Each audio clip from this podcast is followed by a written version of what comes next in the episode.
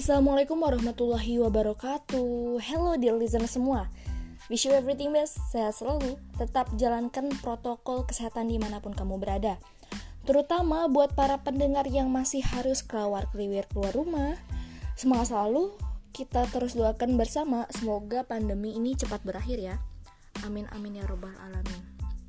Berita-berita di akhir-akhir ini banyak banget yang berseliweran terus tentang corona, corona, dan corona Hmm, apa yang kalian rasakan?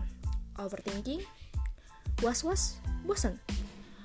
Overthinking adalah salah satu lajur kecil kita sebagai makhluk sosial. Secara alamiah, kita akan memberikan perhatian kepada hal-hal yang menarik, menguntungkan, serta menyenangkan kita. Dan perhatian berlebih dari sifat naluri nafyun atau usaha menolak.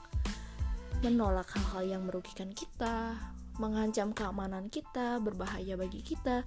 Di masa seperti sekarang ini, sepertinya naluri nafyun alamiah kita bekerja lebih responsif.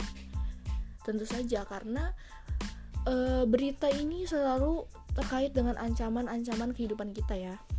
Ancaman-ancaman dalam segi kesehatan.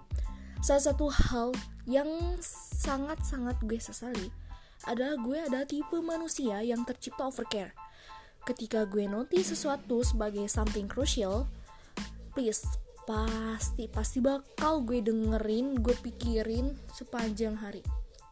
Dan itu agak menyiksa sebenarnya. Sebenarnya hal ini menyiksa karena kriteria informasi yang gue anggap krusial itu kadang sama sekali nggak ngaruh di kehidupan gue. But we do love don't that for example mikirin apa? Resesi ekonomi dunia selama pandemi keefektifan PSBB yang padahal all of us simpelnya aja tinggal nurut gitu, tinggal di rumah. Mikirin agresinya Nazarudin, koruptor yang bentar lagi bebas tapi malah keluyuran. Bodohnya lagi gue malah ngikutin kasusnya KKI dari awal sampai akhir di Mas Anji padahal nggak ngaruh buat kehidupan gue. Yap, itu semua ada kasus sosial yang gue anggap atau gue perlu akan informasi tersebut. Sebenarnya stres gak sih mikirin orang lain? Tentu.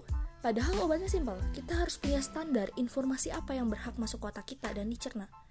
Dengan hal itu, kita bisa nyaring dan mengurangi perasaan tersiksa karena overthinking itu. Tapi surely, orang yang sudah terlatih overthinking itu ada sisi baiknya. It's decrease self-centered mind. Karena kita tahu bahwa self-centered justru hal sepele yang merusak pertemanan, merusak uh, uh, aktivitas sosial kita gitu kan. Karena membiarkan overthinking itu yang bekerja kepada otak kita justru malah membuat kita lebih peka terhadap keadaan sosial. Dan self center mind itu pasti lawannya dia kan. Dan orang yang cerdas pasti peduli akan environmentnya. Sekian podcast kali ini. Semoga membantu kalian semua Merci, arigato gozaimasu, syukron, wassalamualaikum warahmatullahi wabarakatuh.